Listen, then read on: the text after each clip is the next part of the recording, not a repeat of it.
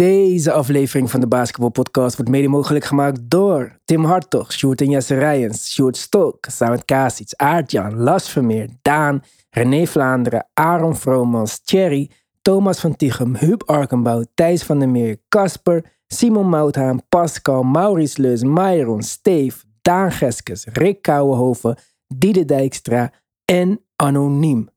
Speciale shout-out naar de GOATS. Robert Heiltjes, Yannick Tjongajong, Wesley Lenting, Robert Lute, Stefan Groothoff, Jan van Binsbergen en Tarun en Yannick. Shout-out naar Wouter de Jong, onze nieuwe DBP-member. Welkom bij de family. Ik zeg altijd, er komen veel leuke dingen aan. Nou, die dingen zijn aan het arriveren. Aflevering 5 van Tim Talk alweer. En de eerste aflevering van Mark This Day in videovorm is online. Alleen op Petje Af te beluisteren en te bekijken nu ook. Met een Petje Af abonnement krijg je niet alleen toegang tot Tim Talk en Mark This Day en andere extra afleveringen, maar ook tot de groupchat natuurlijk. Om een abonnement te nemen op onze Petje Af ga je naar petjeaf.com slash de basketbalpodcast. En als je ons alleen wilt steunen, kun je ook een donatie maken, zoveel als je wilt. Ga dan naar de basketbalpodcast.nl en kies luister op Petje Af. Alle support wordt gewaardeerd. Let's go!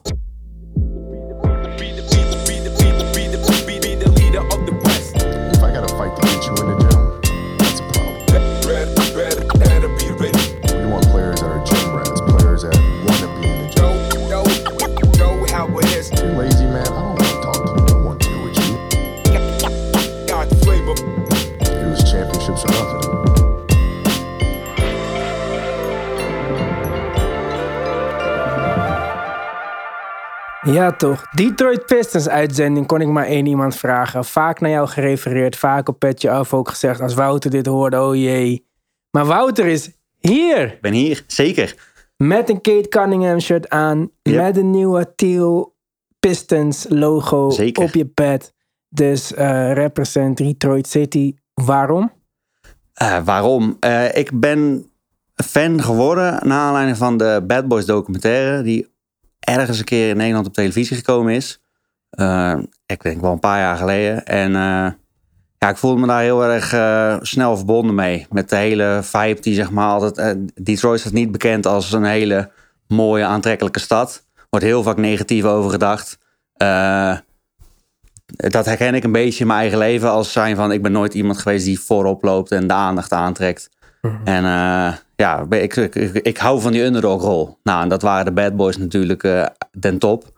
Eh, en vervolgens, eh, naarmate ik verder keek, zie je natuurlijk die, eh, ja, dat teamverband. Die gasten die, die vochten echt letterlijk voor elkaar. En dat trok me wel aan dat ik dacht van nou, weet je, ik hou van basketbal. Ik ben mee opgegroeid eh, vanuit mijn vader die eh, groot liefhebber is. Dus eh, zodoende ben ik, eh, dacht van nou, eh, NBA vind ik leuker als de Nederlandse basketbal. Eh, ik, eh, ik kies voor Detroit omdat ik het gewoon een hele leuke documentaire vond. Dus ik denk, ga eens kijken hoe dat, eh, hoe dat eruit ziet. Niet helemaal in het beste seizoen begonnen, moet ik gelijk wel erbij zeggen. Maar eh, daar heb ik Ja. me doorheen geslagen. ja, eigenlijk alles na de Bad Boys en die paar jaar Rip Hamilton en Ben Ja. Wallace was natuurlijk relatief slecht. ja, klopt. Vooral de jaren waarin ik in instapte. Was dat dan Joe Smith met... eh, Blake Griffin, Andre Drummond, eh, Stanley Johnson had je volgens mij nog toen. ja, dat was hoogpik. Ja, had je, eh, Even Chris Middleton getraind. Ja, die hebben we toch niet nodig. Nee, ja, toen ging er een hoop mis eigenlijk. En eh, ja, dat wist ik toen natuurlijk nog niet, want ik kwam er net in. Dus ja, je leert het allemaal een beetje kennen.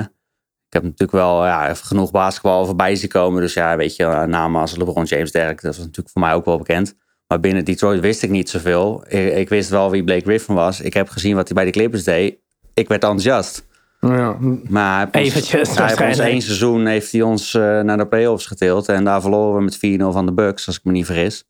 Dus eh, ja, veel verder dan dat eh, is de vreugde nog niet geweest. Ja, en toen werd het nog dramatischer.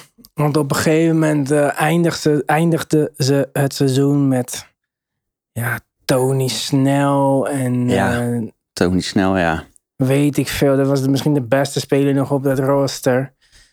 En toen kwam er iemand bij Detroit die eigenlijk ja, een andere koers is gaan varen. En dat is Troy Weaver, Ja, de nieuwe general manager. Kijk, eh, heel veel mensen kennen namen als Joe Lacob of eh, noem maar, eh, hoe heet die andere, Carnisovas, Masai, de bekendere GM's. Troy Weaver hoor je niet vaak in dat rijtje. Maar hij heeft eigenlijk toch binnen drie jaar ongeveer een talentloos team die dramatisch was. Nou, het is, het is nog steeds een klein beetje dramatisch, maar in ieder geval is er nu talent. en dat is potentie, ja, absoluut. En een hoop potentie, zeg maar. Stilletjes doet hij echt een hele goede job daar zo. Ik weet eigenlijk niet wat Troy Weaver eerst deed of wat, wat is zijn achtergrond. Bij de OKC zat hij. Hij is degene die voor Westbrook gepusht heeft toen de tijd. Volgens mij was hij toen scout of Assistent Hij kwam uit iets in front die rol. ja. Ja. Ja. Ah. Hij is degene die toen voor Westbrook gepusht heeft. Om, eh, dat hij zei van ja, die moeten we echt eh, pakken. Mijn vertrouwen is direct naar beneden Ja, gegaan in de toekomst van, eh, van Detroit. Nee, maar al met al heeft hij het gewoon heel goed gedaan. Ik denk dat hij het goed heeft gedaan door al die oude contracten eh, weg te doen. En door een heel hoop eh, goede draftkeuzes te maken eigenlijk. Want kijk, Kate kiezen, ja, dat is niet de allermoeilijkste Nee, dat is keuze. een no-brainer. Ja, maar Isaiah Stewart vinden en Sadiq Bey vinden, dat zijn hele andere dingetjes. En hij heeft dan Killian Hayes ook eh, gepikt met de lottery pick. Maar dat had ik ook gedaan, want ik had hem zelfs nog hoger in mijn Ja. eh, mock draft dat jaar. En ik heb nog steeds hoop. Ik ga hem op de voorkant zetten van deze aflevering Heel ook. goed. Hij hoort gewoon bij de jonge koor.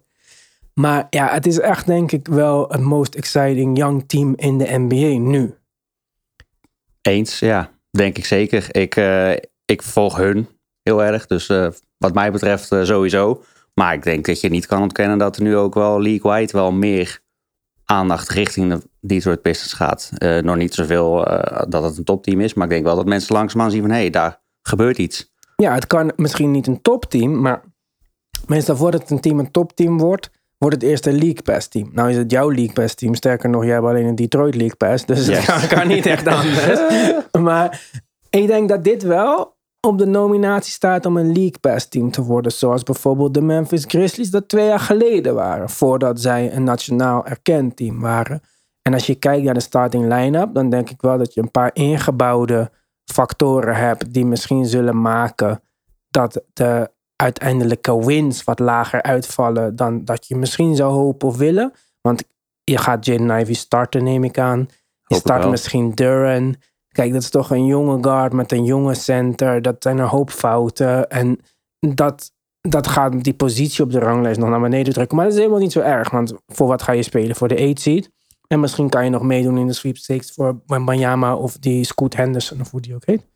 Maar eh, ja, op papier fantastisch. Jij zit hier met een Kate-shirt aan. Is dit jouw favoriete speler van dit team? Eh, ja, volgens nog wel. Maar ik, eh, ik ben zeker sinds Summer League erg verrast door wat ik van eh, Jalen Duran heb gezien. Dus dat zou ook maar eens kunnen switchen. Want Ja, misschien de meest atletische big in de NBA sinds Ja. Sean Kemp of zo. Ja, fantastisch. Ik, ik hoorde ook dat Troy Weaver zelfs dacht van... Oké, we kunnen hem ook met de vijfde pick kiezen. Maar dat toen Ja. Ivy nog on the board was... dat hij dacht van oké, dit, dit kunnen we echt niet doen. Zeg maar, we moeten nu voor Ivy gaan. En toen heeft hij uiteindelijk die trade gemaakt... om nog steeds met de lottery pick Durant te nemen. En hij heeft hij eigenlijk de center of the future... met een snelle twee guard... of ja, wat is het? Halve, anderhalf guard erbij. Ja, combo. Ja. Ja, met een supergrote point guard. Met elite shooting. Eh, Isaiah Stewart is bezig om zichzelf om te toveren in een soort van PJ Tucker on steroids. Ja. ja, dan wordt het wel heel erg leuk. zeker. Dus laten we beginnen met Kate Cunningham. Vorig jaar geblesseerd aan het seizoen begonnen. We hadden het er voor de uitzending over laag driepuntpercentage. Maar mede omdat hij de eerste, wat was het, 20 schoten van zijn Zoiets, carrière ja. heeft gemist. Wat zijn de verwachtingen voor Kate dit jaar? Verwachten wij, of moeten, kijk, jij weet het beter. Dus moeten wij nu naar Kate gaan kijken en denken: dit is echt een all-star dit jaar? Of gaan we gewoon kijken naar de ontwikkeling van een leuke jonge speler? Eh, ik denk dat je kan kijken naar een All-Star puur om het feit dat eh, zijn cijfers vorig jaar waren zeker, eh, wat is het, één maand of anderhalf maand, volgens mij net na of net voor de All-Star Game, waren gewoon All-Star cijfers. Die gemiddeld is die hij toen maakte, dit, daar zou iedereen voor geselecteerd worden voor de All-Star Game. Eh, het enige wat, denk ik, vorig jaar miste, is spelers die zijn schoten afmaakten. Dus zijn assistnummers waren niet zo hoog als het zou kunnen zijn. Hmm. Eh, daarbij creëer je daar natuurlijk ook door dat je denk ik minder spacing hebt. Als je natuurlijk weet dat spelers niet, eh, niet een hoog percentage gooien, heb je minder ruimte. Eh, zijn foul, de, zeg maar, de, de, dat hij eh, fouten eh, gefloten kreeg, was echt extreem laag. Dus hij ging vaak naar de rim, hij kreeg dezelfde fouten. Nou, dat zorgt natuurlijk ook allemaal voor, voor lagere percentages. Dus ik denk als dat soort dingen, hè, als hij herkend wordt door scheidsrechters ook, dat hij wat meer fouten meekrijgt. Ik denk zeker dat je met een, een Ivy, hopelijk Stewart, die een betere schot creëert. Als je dan meer shooting hebt, dan gaan zijn cijfers denk ik op alle vlakken alleen maar stijgen. En denk je dat... Is Cunningham, moet ik Cunningham zien als echt de point guard? Ja, ik denk het wel. Ik denk dat hij wel echt gewoon... Hij, ik, hij kan het spel gewoon dicteren op zijn eigen tempo. En ik denk dat, dat, dat het voor hem ook echt niet uitmaakt... of dat, hij, eh, of dat het voor de assist moet gaan... of dat hij voor zijn eigen succes moet gaan. Ik denk dat hij echt het eh, spel gaat verdelen, ja. Oké, dat is wel interessant. Want in eerste instantie was het natuurlijk de bedoeling... dat hij samen met Killian Hayes Ja. backcourt of the future zou worden. En Killian Hayes is wel een echte point guard. Point Absoluut, ja. Ik denk ook dat je die... eh, ik hoop ook dat Hayes, dat, dat zijn schot ook een beetje komt... en dat ze ook die rotatie eh, kunnen houden tussen dan eh, Kate, Hayes en dan Ivy. Want Ivy is natuurlijk wel echt een scorer. Ik bedoel, Ja. die, die geeft je de bal, die gaat naar de rim. Maar weer geen slasher. Ah, weer geen shooter. Hij is Nee, meer een slasher. klopt. Dus dat wordt moeilijker. Eh, zijn laatste jaar eh, in college was volgens mij eh, ook zijn minste jaar qua schotpercentage. Dat was volgens mij wat ze nu in de Summer League games zeg maar een beetje projecteren, zag dat er al beter uit. Dus dat hoop ik ook. Maar ik, ik hoop vooral dat dat bij Hayes ook wel stijgt. Want ja, dat Ja. bepaalt denk ik vooral ook voor Hayes zelf zijn carrière. Maar ik denk ook een groot gedeelte van hoe de rotatie gaat zijn. Ja, kijk, ik vind Hayes nog steeds underrated, zeg maar. Ik snap dat... Kijk, ik kijk niet alle Pistons games, dus misschien zie ik ook niet zijn fouten. Jij hebt me twee jaar lang highlights gestuurd van Hayes alleen. ja, eh. ja, zeker. Maar kijk, zijn feel voor de game. Ik heb toen wedstrijden van hem, echt letterlijk, dat is de enige keer dat ik iets aan de draft heb gedaan, heb ik wedstrijden van hem gekeken in Frankrijk en zo. Zijn feel voor de game is echt natural. En passing en defense. Ik vind ook dat zijn defense Zijn in de NBA is, al NBA level uh, Absoluut. plus defense, zeg maar. Alleen, ja, ik weet niet. Hij, hij kan het niet allemaal bij elkaar knopen tot nu toe. Maar hij is ook, wat, 20 of zo? 19, Ja, 20? 20 denk Ja. ik. Ik denk Ja, dat hij nog net 20 is als hij begint. Ja, het dat- eh, nieuwe seizoen. Ja, dus dat is ook nog steeds natuurlijk heel erg jong voor een Ja. guard helemaal. Oké, dan eh, hebben we Kate gehad dus. Future All-Star gaan we zeker in de ga- Ja, sowieso Future All-Star. Ik, ik wil nog wel zien dat hij dat dan dit jaar wordt. Eh, de twee positie gaat, neem ik aan, naar Ivy. Ik denk dat dit de meest logische ding is op dit moment. Ivy is ook niet super ball dominant, kan ook off-ball spelen. Zij zelf toen hij gedraft werd, wat is jouw focus? En hij zei, ik ga die defense brengen, zeg maar. Dat vind ik al mooi als mensen dat zeggen. Ja. Dus ik denk dat dat fit naast Kate, omdat beide off-ball kunnen spelen en beide on-ball kunnen spelen. En Kate meer dan Ivy is eh, Ivy niet echt een natural point guard, denk ik. Nee. En ik denk dat Ivy ook vooral defensively naast Kate een goede toevoeging is. Omdat Kate zijn defense niet het allerbeste is. Nog in ieder geval. Ja, zijn perimeter defense is niet het allerbeste, maar Kate is wel 6'7, 6'6, 6'7. Klopt. Ivy is 6'5. Dan maak je backcourt al huge, zeg maar. En Ivy is een 6'5 dat je zegt 6'5, zeg maar. Niet een... eh, dus dat is al best wel groot backcourt.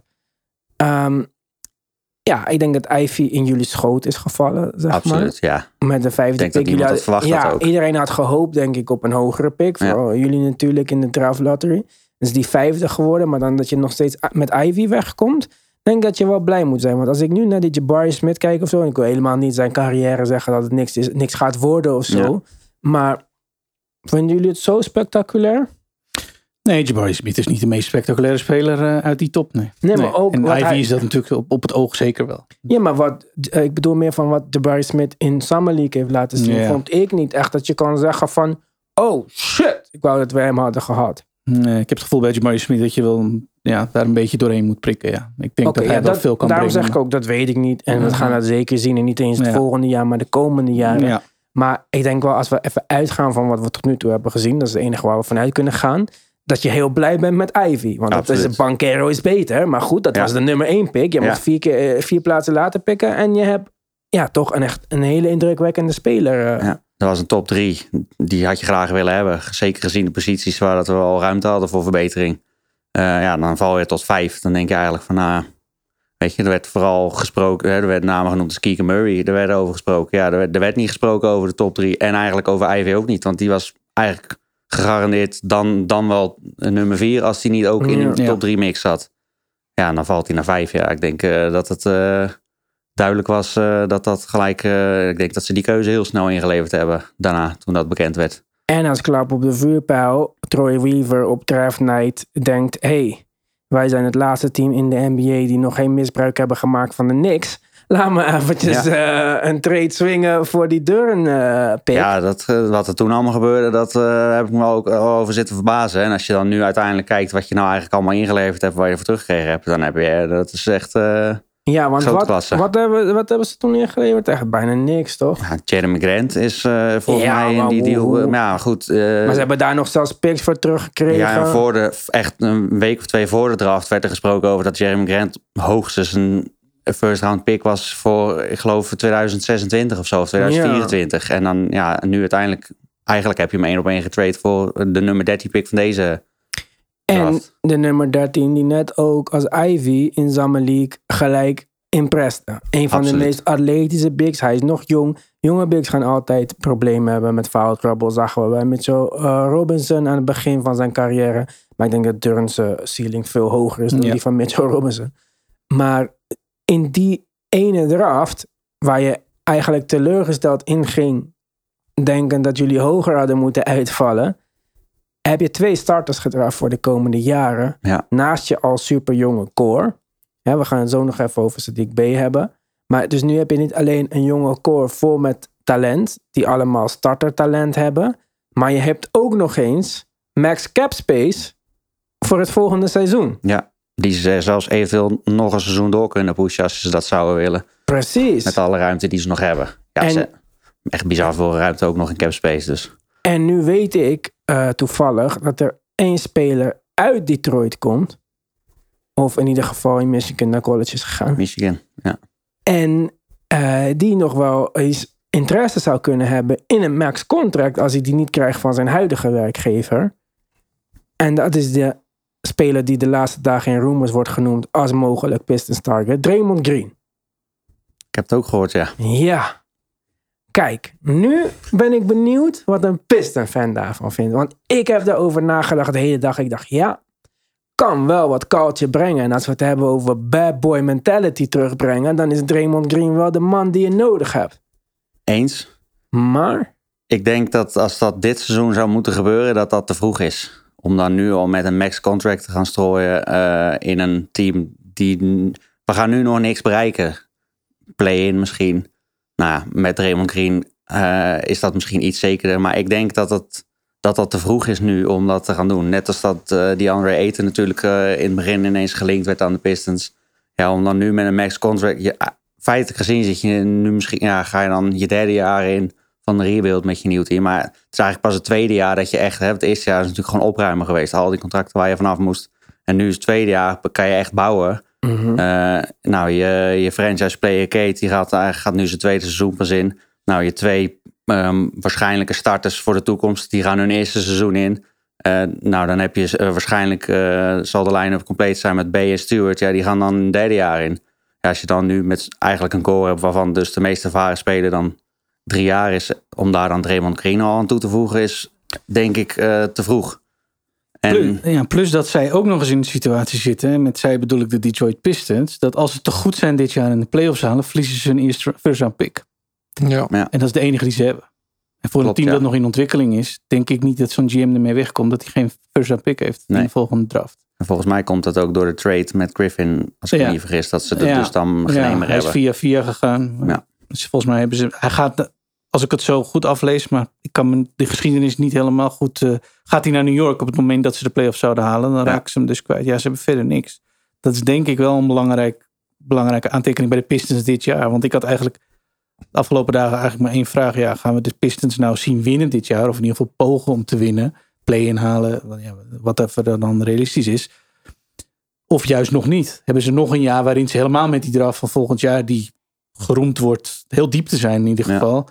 Zeg je dan, nou daar gaan we nog een keer voor. En, en dan hebben we wel een team. Nou ja, het lijkt er dus gezien hun draft situatie op alsof ze ja, die play-offs wel een beetje moeten ontwijken, zeg maar. Om, Ja. eh, om niet die first round pick kwijt te raken. Want dat is volgens mij wat je niet wil in deze Niet echt, situatie. nee. Maar daarom denk ik ook dat je dan met een, ja, zonder stress, Ivy en Dylan Ja. kan starten. Ja. Ja. En weten dat je daardoor wat extra wedstrijden gaat verliezen.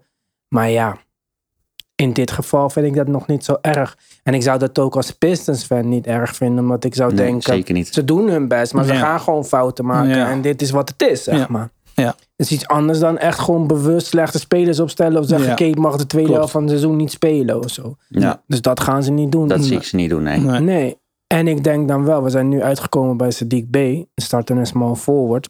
Nummer 19 pick, ook een steal denk ik. Absoluut. Eh, die had echt lottery gegaan in een redraft, 100%. Die had ook het eh drie punten record in zijn rookie season gehaald als het niet het eh, coronaseizoen was, waardoor tien wedstrijden minder speelde. Want die was gewoon absoluut op koers om dat record te breken. Ja, scho- schoot in zijn rookie season al 38% van 3. Tweede seizoen klein dipje, 34%. Maar wel een puntentotaal wat met vier punten per wedstrijd omhoog ging. Speelt nu 33 minuten. Projectie zal zijn voor de volgende jaar. Je zit me te controleren, vriend. Ik zeg niks fouter. Het is allemaal goed. Ik weet het uit mijn hoofd. Rustig aan. Maar eh er zou toch een projectie volgende jaar ook eh, misschien 18 punten per wedstrijd worden. En dan heb je wel een 6-7 small forward met een goed three-point shot. Dan is mijn vraag aan jou eigenlijk. Hoe goed is zijn defense? Ik denk dat dat vergelijkbaar is eh, met eh, hoe dat van Kate is. Eh, op zich, op zijn positie is die, is, die, is die goed. Maar als hij moet switchen, dan gaat dat wel gelijk achteruit. Ah, Ik denk wel dat, dat, daar, zeg maar, dat daar zijn verbetering eh, liggen op defense vlak. Zeg maar. dat, en, en dat is eigenlijk, dat wordt waarschijnlijk wel aangepakt. Want de switch defense is iets wat ze, wat ze graag doen. Tenminste, wat je, wat je veel ziet. Dat komt ook mede doordat Stewart een hele goede switch center is.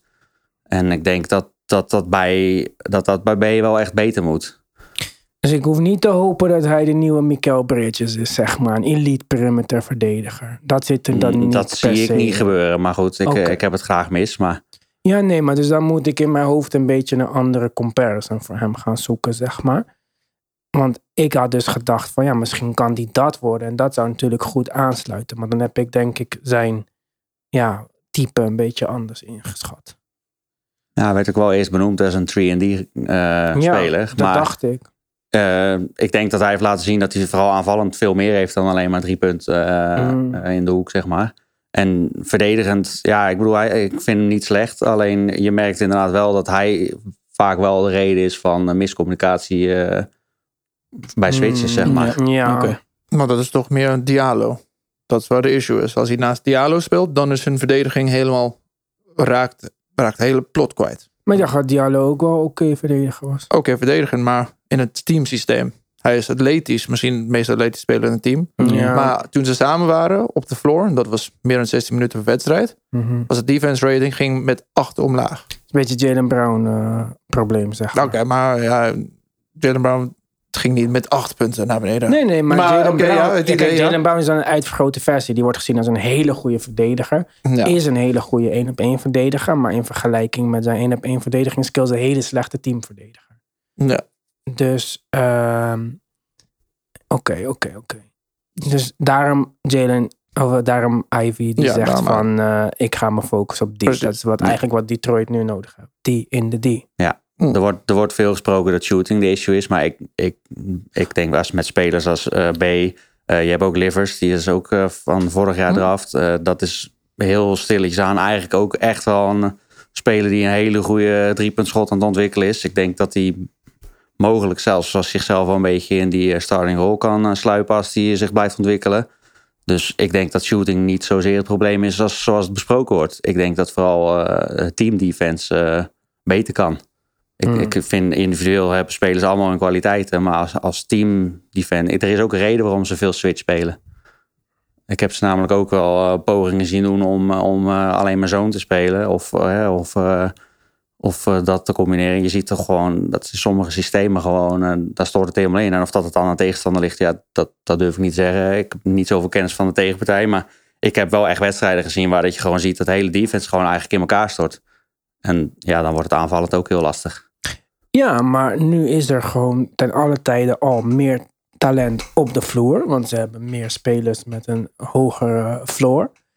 Dus dat moet ook helpen, basketbal-IQ-gedeelte. Dan hebben we de Ivy, die zegt dat hij eh, zich daarop gaat focussen. In Durham heb je hopelijk een extra rim protector. Want Ja. Isaiah Stewart, je zei het net al, hij is een goede switch defender en zo. En hij is een goede rebounder. Hij is geen Ben Wallace. Nee. Een wat kleinere center die de rim verdedigt en je komt er niet doorheen. Dus mijn eh, volgende vraag is dan ook, Isaiah Stewart. In principe zou je denken, oké, hij was de center. Hij heeft geen balhandling skills of zo natuurlijk. Dus het is niet dat je zegt van, kan die small forward gaan spelen? Nee. Maar kan hij power forward spelen? En kan hij, omdat hij zo goed kan switchen en aan zijn drie punten werkt en een hustle guy is, zeg maar de nieuwe PJ Tucker worden? Alleen dan on steroids. Eh, dat denk ik wel. Eh, je zag al, zeker ook in de Summer League, eh, dat zijn driepuntschot eh al beter uitzag. Zijn jumpshots zien er goed uit. Zijn vrije worpen zijn, ik weet niet statistisch gezien, maar zien er oké uit. Dus hij heeft wel alle eh, mogelijkheden om gewoon een goede driepuntschot te creëren. En ook gewoon zijn schoten te raken. Ja, wat je al zegt, inderdaad, een echte rimprotector is hij niet. Wel is hij, als hij op de vloer is, gaat de team rebounding eh, statistieken, die gaan wel echt omhoog. Dus ik denk dat hij eh, een goede boxhoud heeft. Ja, het is inderdaad een, een, een, een jongen met hassel. Dus ja, ik zie dat wel gebeuren. Ik ben, ik ben eh, eigenlijk vanaf de eerste game dat ik hem gezien heb, ben ik echt fan van hem. En na dat eh, gevecht tussen aanhalingstekens met LeBron James. eh, Waar de ben ik- meeste mensen hem van kennen, Ja. denk ik. ja, daar ben ik echt groot fan. Want ik bedoel, hij is echt jong ook nog. Volgens mij, ik denk dat hij ook 21 is. Ik- Jij Ja. hebt het voor je. Ja, ja, 21. Weet je, ja, ik bedoel, hij heeft nog superveel potentie om, eh, om eh, te groeien. Dus ja, wat ik al gezien heb van hem in die, eh, in die eh, wedstrijden, ja, ik zie niet waarom het niet gebeurt. Ik vroeg me eigenlijk al af waarom hij zo weinig de drie punten schoten nam. Want als hij, eh, als hij eh, gewoon op de top staat, op de driepuntslijn en hij krijgt een bal, ja, hij wordt compleet vrijgelaten. Maar eh, ze gaven hem op een gegeven moment groen licht om te schieten. Mhm. En volgens mij gingen die statistieken omhoog. En eh, Ja, en ik denk dat ook als hij power forward gaat spelen, dat de kans op een corner tree wat groter wordt. Ja. En dat is ook waar PJ Tucker eigenlijk zijn contracten mee heeft verdiend. Plus dat nu dat hij naar de power forward positie schuift. Eh 6'8 power forward, dus oké. oké. En 6'8 power forward met een 6'10 center, 6'7 small forward, 6'5 shooting guard en een 6'6 point guard. Dat is opeens een eh, team eh, waar Masai Ujiri eh, 's s'nachts van Gelukkig- droomt, zeg maar. ja. Eh, Ja. En iedereen kan switchen. Iedereen is extreem atletisch. Misschien op Kate na is niet qua super atleet, maar Nee. die maakt dat goed op dezelfde manier dat de Lucas en Jokic en zo dat goed maken. En is hij zelfs nog atletischer dan zij, denk ik. Ja. Maar op papier zou ik denken als Pistons fan, nu begint het leuk te worden. Absoluut. Ik vond het vorig seizoen al leuk. En met die zeker de toevoeging van Durham, wat ik al zei, die verraste me echt in Summer League. Eh, wat je vorig jaar veel zag, is dat je pick-and-roll eigenlijk ja, had je niet. Met een Kelly Olynyk, ja, het ziet er niet zo heel flashy uit. Nou, toen kwam Bagley. Dat zag er al stukken beter uit. Alleen Bagley en Stewart tegelijk op de vloer is, is defensively echt een ramp. Want Bagley is denk ik echt de slechtste verdediger die we op het team hebben. ja, als je dan dat nu kan vervangen door dan Stewart de Bagley-rol te geven... en dan Duran de Stewart-rol... dan heb je ook aanvallend je pick-and-roll eh, die je gewoon kan, eh, kan uitvoeren. Plus dat Bagley van de bank, want hij heeft wel een contractverlenging gekregen, waar veel mensen commentaar op hadden, maar waarvan ik dacht, nou, hij is gewoon een top eh draft pick. Hij was de tweede pick. Tweede pick, ja. Beetje overdreven tweede pick, maar eh, voor Luca kan dat niet goed gepraat worden en zo. Ja. Maar hij was wel een, eh, sowieso een top eh, 10 pick, misschien zelfs een top 5 pick Ja. in die draft. En die geven nu een contract voor 13 miljoen. Kan misschien jouw scoring big van de bench worden. Nou, dat kan ook aardig leuk zijn. En dan lijkt het me zelfs, kijk, wat je vaak hebt met jonge teams die een leuke lijn op hebben, dat als die starters eenmaal naar de kant gaan, dat je een beetje in een gat valt. En dat je zit te wachten tot er weer wat gaat gebeuren. Ja. Maar nu komt al een Killian Hayes van de bank. Die guy met de naam met een L die jij zei, die ik niet Isaiah ken. Livers, ja. Livers komt van de bank. Ehm Amadou Diallo komt van Ja. de bank. Bagley komt van de bank. Kijk, nu heb je ook gewoon een second unit waar je naar kan kijken. Met het idee van, hé, gaan ze wat leuks doen vandaag, zeg Ja. maar. Ja, wat ik ze vorig seizoen heel veel zag doen, is dat ze echt wel eh, starters en, eh, en eh, tweede unit echt een beetje gemixt. Ze waren, ze waren zoekende wat werkt.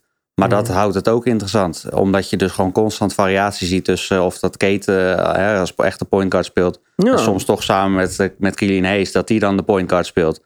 Ja, en of dat je dan met, met Bagley pick-and-roll speelt of met, met Jurin of hè, weet je, die- daar ben ik ook wel benieuwd naar. Dat je er gewoon eigenlijk een constante rotatie hebt. Dus niet echt een starting five en een eh, tweede unit, maar dat ze dat gewoon een beetje switchen. Ik ben ook benieuwd naar eh, line-ups met eh, Kate, Ivy en Killian Hayes. Ja. Ik ben benieuwd of ze dat gaan spelen als er bijvoorbeeld een heel sterk offensief backcourt duo is. En dat Killian en Ivy die kunnen stoppen. Ja, ik, eh, ik, ik denk dat dit het begin is van een hele leuke fase voor de Pistons. Wat jullie ook echt eh, verdiend hebben na jaren van afzien. Ik hoop dat zowel jij als ik dit jaar eh, leukere teams hebben om naar te kijken. Dat ik ben ook. afhankelijk van Tim man die eh, Mhm. nog steeds niet 100% overtuigd ben dat hij mij gelukkig gaat maken. Maar ik hoop het, ik hoop het.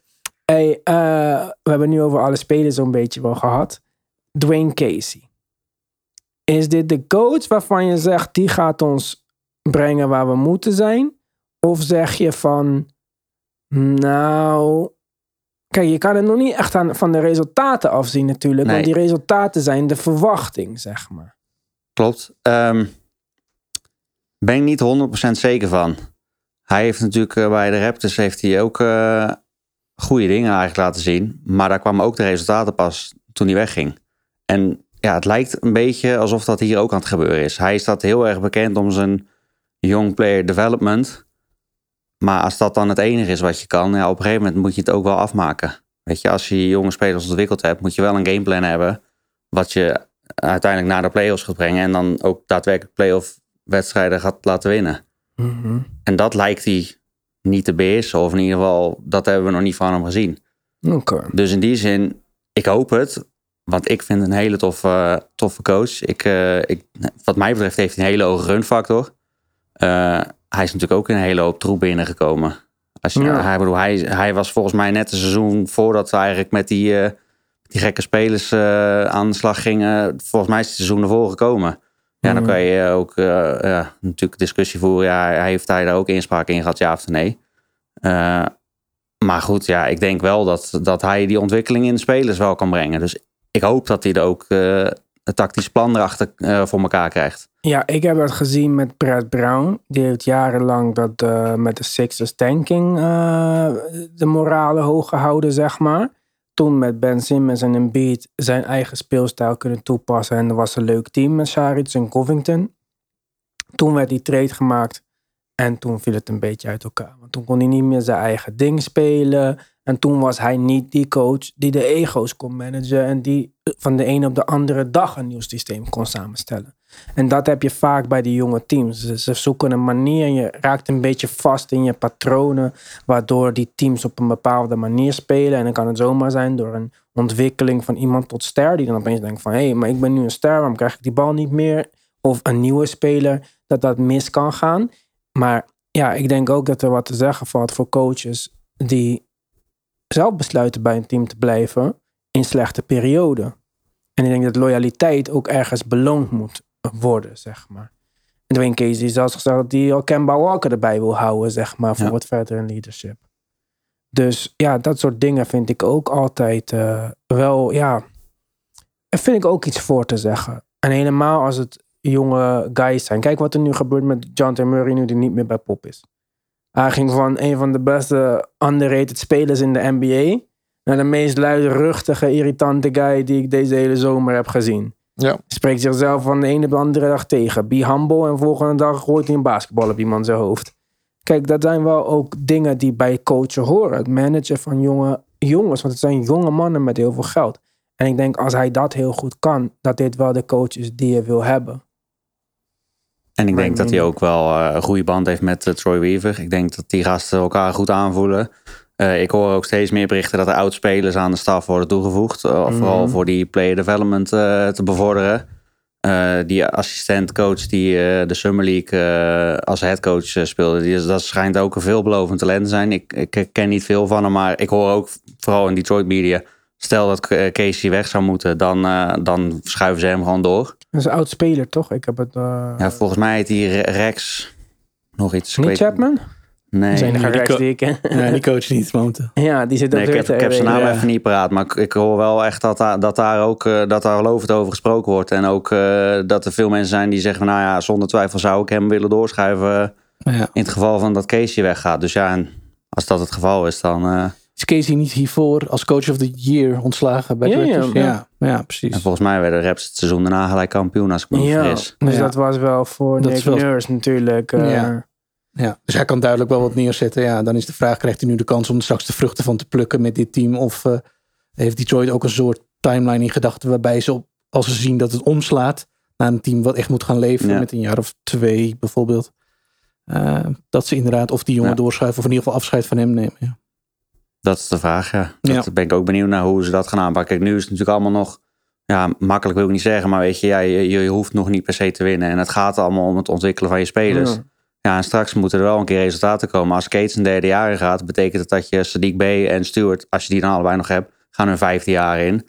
Ja, dan, eh, dan moet er wel echt iets gaan gebeuren. Ja. En je moet gaan beslissingen, beslissen over verlengingen aan het Ja. eind van dit seizoen. Of eigenlijk tijdens dit seizoen. Maar goed, dat gaan we dan dit seizoen zien. Als laatste, Tiel. Hot or not? Ja, absoluut hot. Absoluut iedereen, hot. iedereen die not zegt, eh hoef ik niet mee te praten. Nee, we gaan er gewoon allemaal een jersey kopen met een Ja. paard erop. Ja, absoluut. Ik, ik zou niet inzien waarom niet. Het, het is wat mij betreft het bij far beste shirt dat ik van de Pistons gezien heb. Los van die van vorig seizoen. Die rode met die eh, lichte schits aan de zijkant vond ik ook heel vet. Maar nee, Thiel absoluut nummer 1. Wat is er mis met deze die je aan hebt dan? De, gewoon de oude stijl Er is niks boys. mis mee, eh, maar ik weet niet. Thiel heeft gewoon, ik weet niet, old school hou ik van. Heeft toch ergens een magisch randje. Doet je toch terugdenken aan vroeger. Ja, eh, in het geval van Pistons is de Thiel eh, qua resultaten volgens mij het slechtste seizoen ooit geweest. Dus dat zijn ook de re- redenen die mensen voeren die tegen Thiel zijn. Maar nee, het ziet er gewoon super vet uit. Ik, ik zie dat heel graag. En ik, voor mij mogen ze er zoveel mogelijk wedstrijden in spelen. Nou, ik ben benieuwd of we dan binnenkort weer een paard tegen een dinosaurus zien spelen. En dan de volgende wedstrijd tegen een wesp. We gaan het allemaal meemaken. Ik wil jou bedanken voor dat je, dat je bent gekomen. Natuurlijk, onze eindje Bedankt voor de rijden. uitnodiging. Ja, je moest er toch een keer van komen, Ja. de Pistons eh, podcast. Ik eh, ben wel overtuigd, ik weet niet wat jullie, maar ik denk dat ik de Pistons wel ga toevoegen aan mijn shortlist van League Pass teams volgend jaar. Zeker kijken. Ja.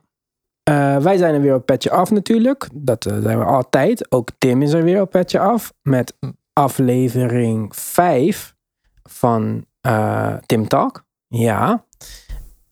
En misschien nog wat meer deze week. Wie weet, dat zien we wel. Oké jongens, bedankt voor het luisteren. Maak er wat moois van en tot de volgende keer.